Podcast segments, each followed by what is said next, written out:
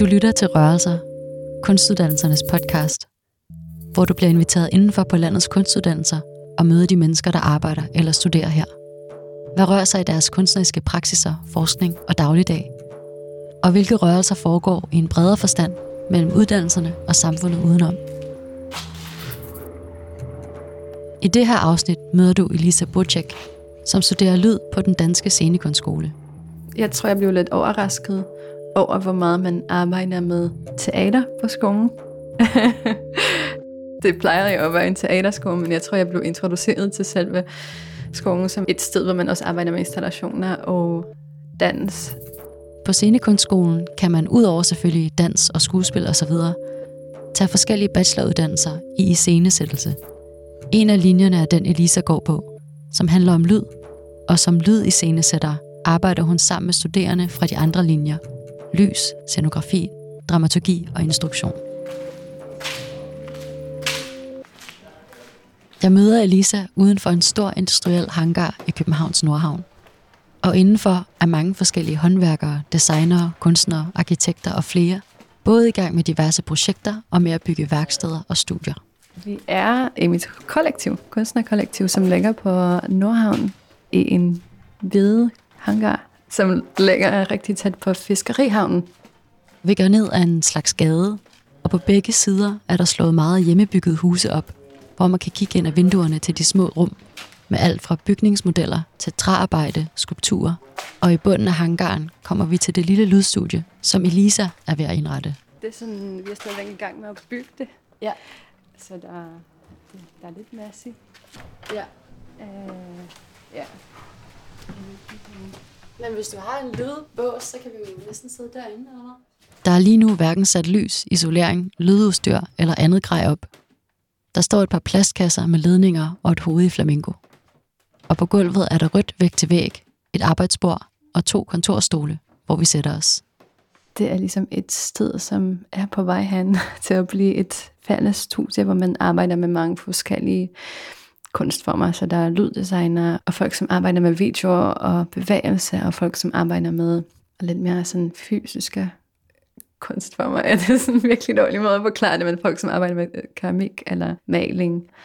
Vi sidder lige i et rum, som bliver til et lydstudie, så det er et sted, som jeg tror, jeg kommer til at bruge rigtig meget tid her. Kan du komme tættere på mig? Ja, helt sikkert. Så kan jeg stille den her rigtig tæt på dig. Ja. Jeg, jeg tænker, at vi bare kan starte med, at du kan introducere dig selv. Ja. Så jeg hedder Alisa Boschek, kommer fra Polen. Min kunstnernavn er også øh, uh, Moltamod. Jeg er lyddesigner, lydkunstner. Jeg kan godt lide at tænke, at jeg er bare lydmenneske, fordi jeg synes, det er nogle gange lidt svært at definere sig.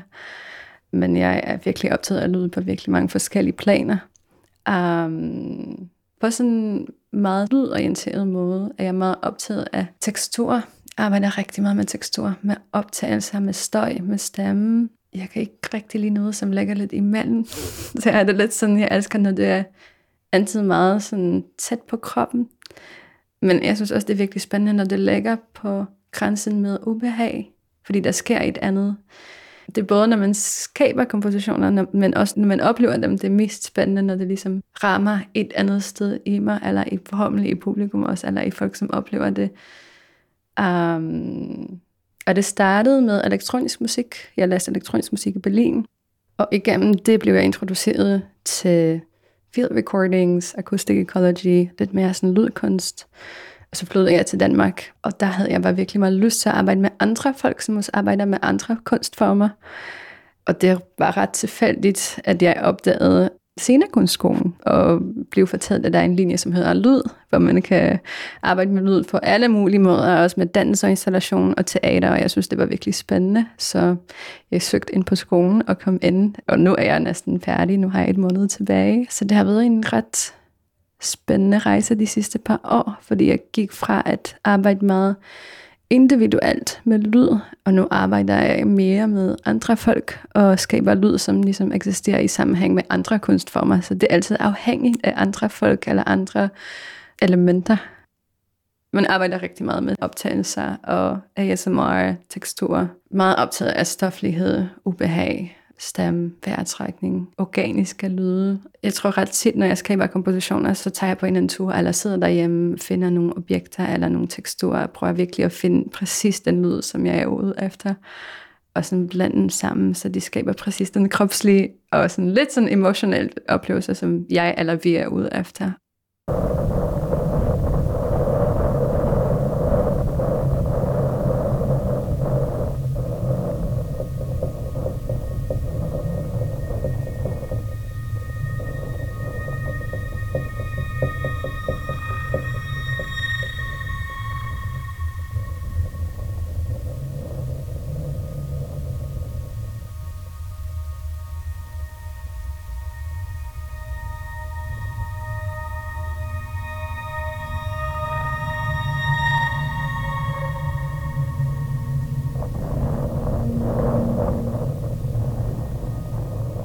Jeg skrev min bachelor om sonification of climate change, og der var jeg meget sådan optaget af soundscape og øh, uh, acoustic ecology, og virkelig gik i den retning, hvor man ligesom oplever naturen og alle de ændringer, som sker for tiden, og har sket i lang tid, igennem lyd. Og jeg tror, at lige nu er jeg måske ikke så specifikt research-oriented, bare fordi jeg har ikke haft så meget tid til at ligesom fordybe sig i, hvad det betyder for mig nu, Øh, men det har virkelig skabt en base for mig, som jeg har taget med mig. Og jeg tror, at det handler rigtig meget om empati. Man åbner for empati igennem lyd. Og jeg tror, det har virkelig været en introduktion for mig, hvordan man kan gøre det, og hvordan man kan ligesom blande the internal and the external sammen igennem lyd, og alle de der interaktioner, som foregår imellem de to verdener. Og jeg tror, det stemmer rigtig meget fra det første møde med field recordings, og alt, som drejer sig omkring det den måde, jeg skaber lyd eller laver kompositioner, drejer sig rigtig meget om at finde lyd, enten udenfor, men også bare optage lyd, og det handler rigtig meget om teksturer og stoflighed, og jeg tror, det hænger rigtig meget sammen igen med located sound and field recordings. Nu skulle jeg blande lidt engelsk og dansk, men jeg tror, det er fint nok. ja. Ja, ja, klart, fordi det her sprog er jo ret sådan præget af ja, sådan ja. engelske ja. termer.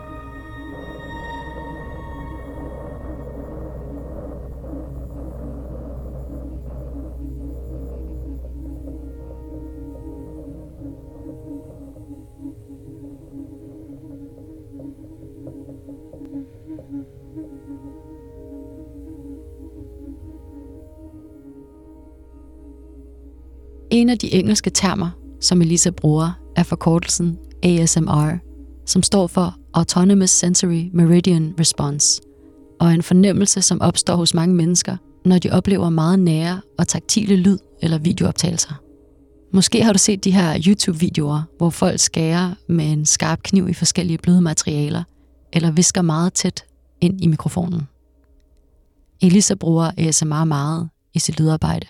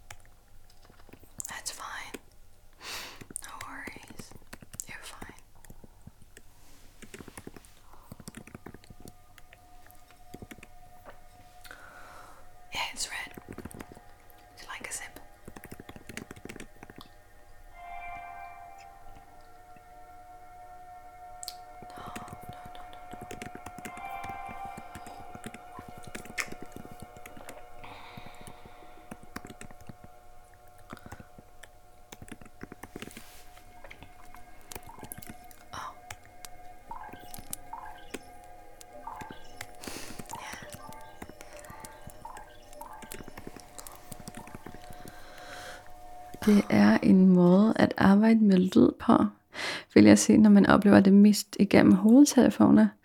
Rigtig tæt for en skærm, rigtig tæt på YouTube. Men jeg tror, det er forbundet lidt med den følelse, hvor man oplever lyd, og får lidt sådan den meget afslappet, eller ikke nødvendigvis, men også en meget kropslig respons til lyden.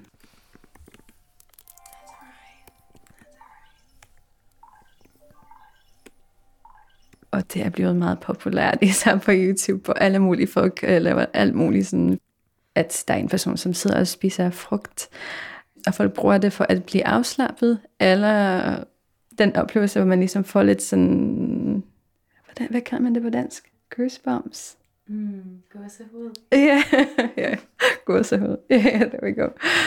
Um, så det er lidt sådan, det er en meget sådan subtilt og behagelig fysisk uh, respons til lyd. Altså, jeg tror, jeg startede for mange år siden, da jeg startede med at lave lyd, eller da jeg blev introduceret til ASMR, hvor det ikke var så stort endnu. Og jeg var sådan, når man sådan arbejder jeg med lyd. Altså det der, den kropslige fornemmelse, når man skaber lyd, eller når man øh, laver en komposition. Det er præcis det. Og det er måske nogle gange også i en retning, hvor det er ubehageligt, så det er ikke sådan helt kun ASMR, jeg arbejder med. Men et eksempel på, hvor jeg arbejdede med ASMR, det var en forestilling, som foregik i mørket. I starten var det fuldstændig mørkt, og så blev der introduceret mere og mere lys, og så var der en performer, som dansede eller bevægede sig igennem forestillingen, og hele lyden var spillet ind i hovedtelefoner, og der var også dialog og tekst. Men det var meget den blanding af, at man træder ind i mørket, og så pludselig bliver introduceret til et lys, og lyden er meget tæt på kroppen. Så på den måde er det meget mere controlled. Det kan man jo selvfølgelig også gøre under teaterforestillinger, og der er nogle folk, som har gjort det. Men det er lidt mere sådan en til en, hvor man har adgang til, at publikum sidder med sin egne hovedtelefoner og oplever det igennem det udstyr.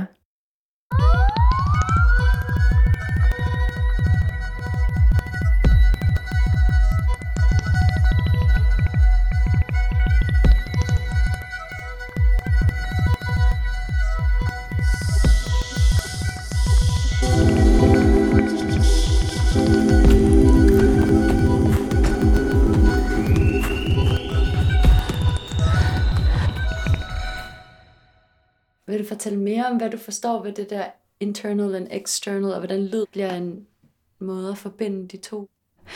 Jeg tror, da jeg startede at lave musik, så handlede det rigtig meget om mig selv, og mine følelser, og mine oplevelser, og min sensitivitet. Så jeg, jeg kaldte det altid for sonification of internal landscapes.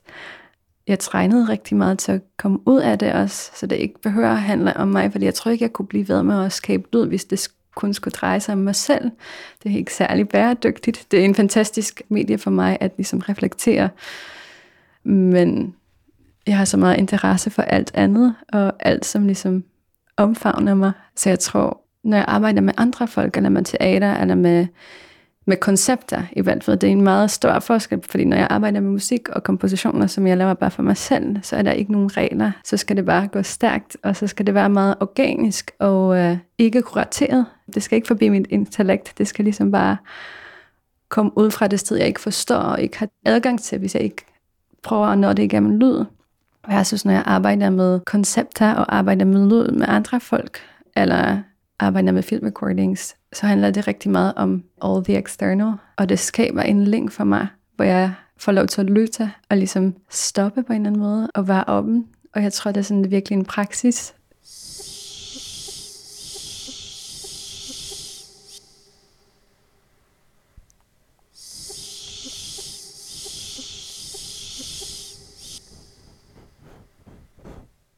Men jeg tror sådan helt klart, det er måske det mest politiske side til lyd. Fordi man kan godt sådan, det er både meget konkret, hvem er det, der får lov til at se ting, hvem er det, vi lytter til, hvad er det, vi hører efter, men man kan også bruge det på sådan en meget mere abstrakt måde, og tage det med sig i forhold til, hvordan man også er med andre folk. Man skal situere sig selv, helt klart. Og jeg tror, man kan godt gøre det igennem lyd, og igennem at lytte og virkelig forstå, hvad for noget plads tager jeg. Hvad er der plads til i det her rum? Hvad for nogle stemmer bliver repræsenteret? Der er virkelig mange spørgsmål, og jeg tror, man skal virkelig tage det med sig, når man arbejder kunstnerisk. Så det er både en meget sådan grounded praksis, at man bare sætter sig ned og lytter, og også i forhold til non-humans og humans. Det er virkelig mange lag, man kan gå igennem, men der er helt klart noget med repræsentation også. Og jeg tror, sådan lyd kan være et medie, hvor man kan ligesom finde den empati, og sådan finde plads til andre, til de stemmer, som måske bliver squished til daglig man skal gøre det både sådan meget aktivt og meget politisk, men også meget gennem sin egen praksis. I hvert fald skal man stille sig de spørgsmål. Og jeg synes virkelig, at lyd er noget, som forklarer det ret godt. Og det resonerer på en eller anden måde, fordi det lyder også abstrakt, og det er også ret abstrakt, men det manifesterer sig så konkret i verden. Så jeg tror sådan generelt, når jeg går i, en, et sådan rigtig godt samarbejde med folk på teater, så tror jeg, at der er nogle spørgsmål, som jeg altid stiller. Og det er helt inden man begynder at plotte noget lyd, eller skabe noget lyd, men også mere sådan, hvordan kan vi bruge det som noget, som påvirker vores samarbejde, men også situerer os i det, vi gør, fordi vi tager rigtig meget plads. Nu her, så kan vi bruge det som et værktøj. Jeg har brug for at finde empati og relatere til alt omkring mig, og jeg tror, at lyd virkelig er et medie, hvor man kan få lov til at gøre det. Også igennem at sådan sætte sig ned og sådan være stille og høre efter. Hold dig hjem, Hold dig hjem, Halleluja, halleluja. Halleluja, halleluja. Halleluja, halleluja.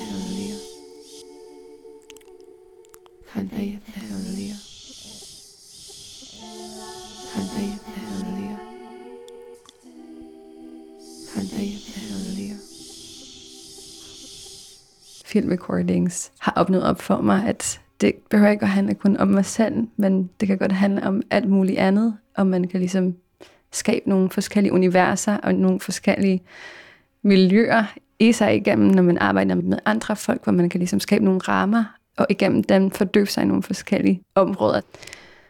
Jeg tror, der er noget med, som jeg har opdaget igennem at arbejde med øh, andre folk med teater og dans og installation, at det handler om så meget andet end kun lyd så man ligesom skaber det sprog, og man taler ind i de samme ting, men man har forskellige sprog. Så det er en virkelig god praksis.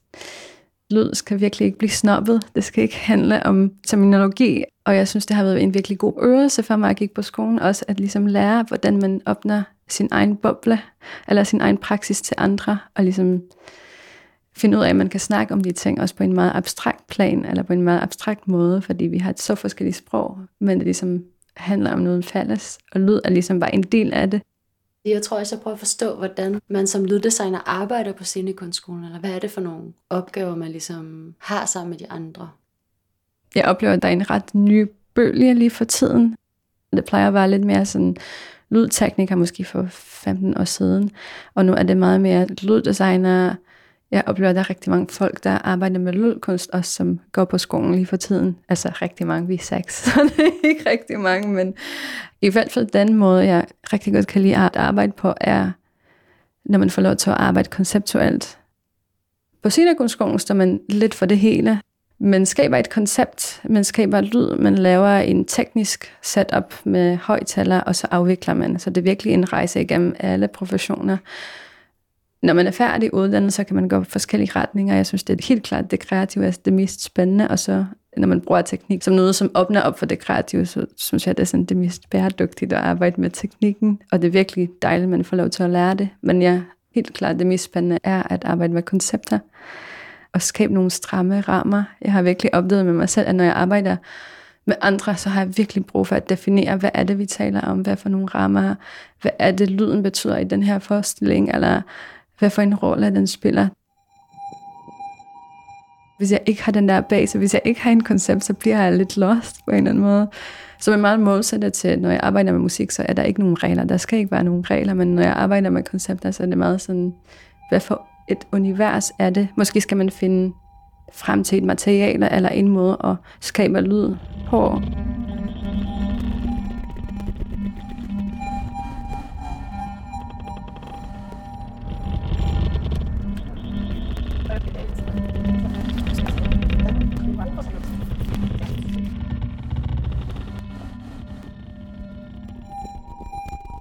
Havde en praktik på Momentum, på Teater Momentum sidste år sammen med Monja Sanders, som er en fantastisk kunstner. Og hende måde at arbejde med teater på er også meget særligt, og det er meget installatorisk. Det er lidt sådan imellem de to verdener. Altså mit hovedopgave var at lave en installation med optagelser af publikum, som læste manuskriptet. Okay, det bliver lidt kompliceret, men jeg prøver lige at forklare det. Ikke? Der var tre projekter. Det første projekt var, at publikum fik et manuskript og skulle laste. det. Blev optaget med 16 mikrofoner, og så lavede vi en lydinstallation på det andet projekt, som også involverede scenografi, forskellige naturelementer. Der var en træ, der var hængende, der var lys.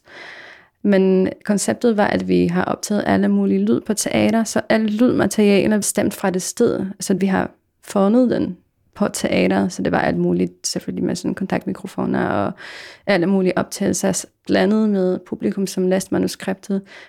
Men bare at man ligesom definerer, okay, det er kun lyd fra det her sted, vi bruger, og skaber en komposition ud af det. Jeg synes, det er helt klart mest spændende, hvor sammen arbejder bliver til et klub, hvor man ligesom sparer med hinanden, og ligesom bruger hinandens praksis på en måde, at jeg kan give dig noget lyd, og så skaber det du noget bevægelse, og ud fra det, jeg skaber måske lyden videre, og så måske lyden, som det startede, forbliver ikke i projektet, men den er på en eller anden måde stadigvæk til stede, fordi du har taget det videre med din egen praksis. At det er ligesom den der loop, hvor man får inspiration af hinanden. Det synes jeg er helt klart sådan det mest organiske måde at arbejde på, i forhold til bevægelse og dans og installation. Jeg synes også, det er helt vildt spændende at skabe nogle regler sammen, eller et univers. For eksempel på Momentum lavede vi sådan abstrakt skov, så alle lyder han ligesom en lag.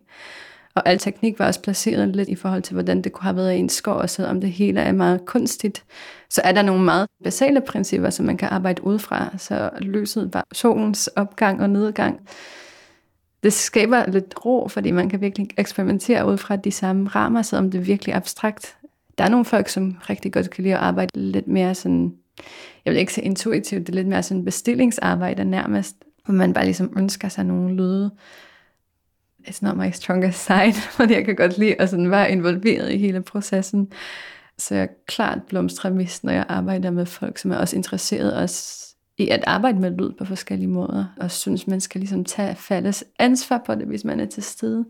Så hvis der er folk, som er interesseret i at gå ind i det med deres egne tanker og meninger, så synes jeg, det er mest spændende. At sådan sætte sig ned og skabe et koncept, definere, hvor er jeg han, hvad er min inspiration, er det en bog, jeg har læst? Er det en materiale? Er det empati for en vis karakter? Er det en bygning? Er det sådan strukturen? Og sig på det og et koncept, og så til sidst kommer der lyd. Welcome to my bachelor presentation. I am happy to be sharing my research with you. Thank you for being here and being willing to listen. I will do this one in English. Let's dive straight into it and start with presenting the initial research questions.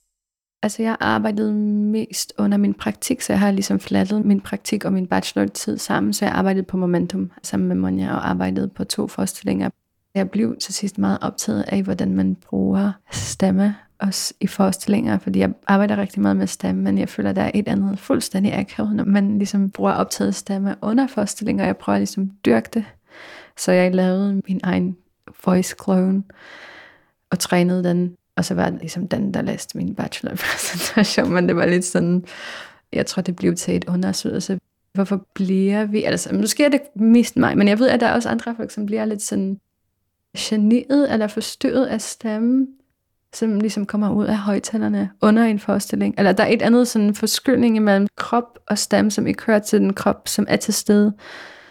Okay, så det startede det var hvor vi lavede en forestilling, hvor jeg blev bedt om at lave til nogle scener, og jeg kunne bare mærke, at det var så forkert. Altså, jeg havde det, jeg synes, det var, det var forfærdeligt.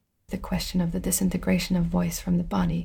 What really happens when voice and body are imposed to separation within the context of theater and performance art? Why does working with voice amplified and disattached from its source feel so uneasy and even disturbing? Why do I feel like it's a no-go for the voice to seep out of a speaker on stage? Der var et andet, som virkelig var forstyrrende for mig, og jeg kunne ikke forstå, hvorfor.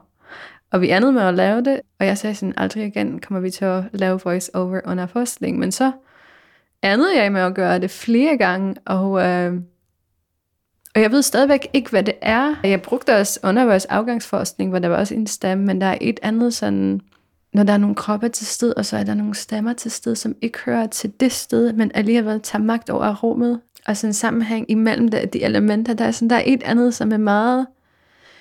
You get out of balance som publikum. I starten var det meget sådan, det er irriterende det her. Og så blev det til sådan, det er virkelig spændende, fordi der måske muligvis ligger noget i den irritation med for. Hvordan har du lavet den der voice clone? Hvordan gør man det? Altså, hvis man er virkelig skarp, så kan man selvfølgelig skrive alt muligt programmering. Det kan jeg ikke, så jeg har faktisk brugt en øh, program, som hedder Descript, og så optagede jeg mange timer af min egen stemme, og læste nogle bøger, og Og så var det programmet, som ligesom har skabt min stemme ud fra de optagelser. Jeg, jeg tror måske, det var sådan 3-4 timer af optagelser af min stemme. Det var på engelsk, men det var virkelig spændende, fordi jeg kunne høre min egen polsk accent, når den blev lavet, og jeg var bare sådan, wow, det er virkelig spændende, at der er sådan en voice clone, som også har min accent. Så det, der er et andet sådan meget mærkeligt over det. Så er der nogle forskellige stiler på en eller anden måde. Man kan lave sådan en glad version, eller sådan en, sådan ked af version, eller sådan mere rolig, eller sådan excited. Det er mærkeligt at arbejde med sin egen stemme. Så det er sådan en forlængelse af sig selv igennem stemmen, som er kunstigt. Men kan man sige det til den bagefter, at den skal være glad nu? Ja, man kan ligesom beslutte sig for nogle, generere nogle forskellige stiler, øh, så man kan også bare sådan vælge, okay, der var jeg ret glad. Sådan skal vi køre med hele teksten. Det er lidt glitchy, men det er meget tæt på, men det er sådan, det ligger ret spændende sted. Der er også virkelig meget etik omkring det. Det er også en rigtig stor emne, men det er meget spændende, synes jeg. Mm.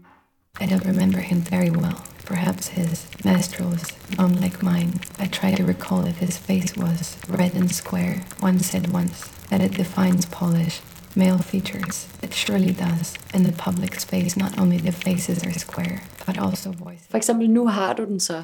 Ja. Så kan du bare skrive et manuskript, som den skal læse op. Ja. Ja.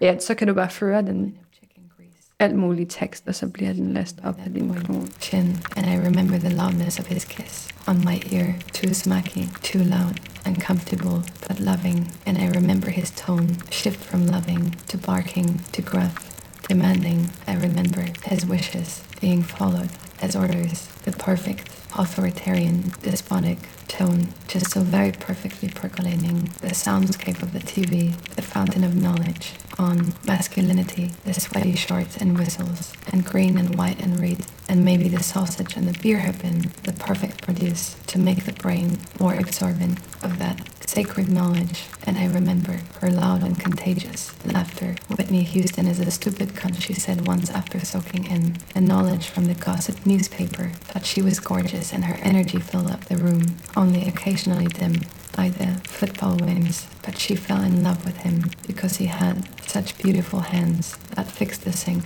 stuck three times, so she could look at these hands three times, and then forever. Also when she could not any longer look at his red and perhaps square face.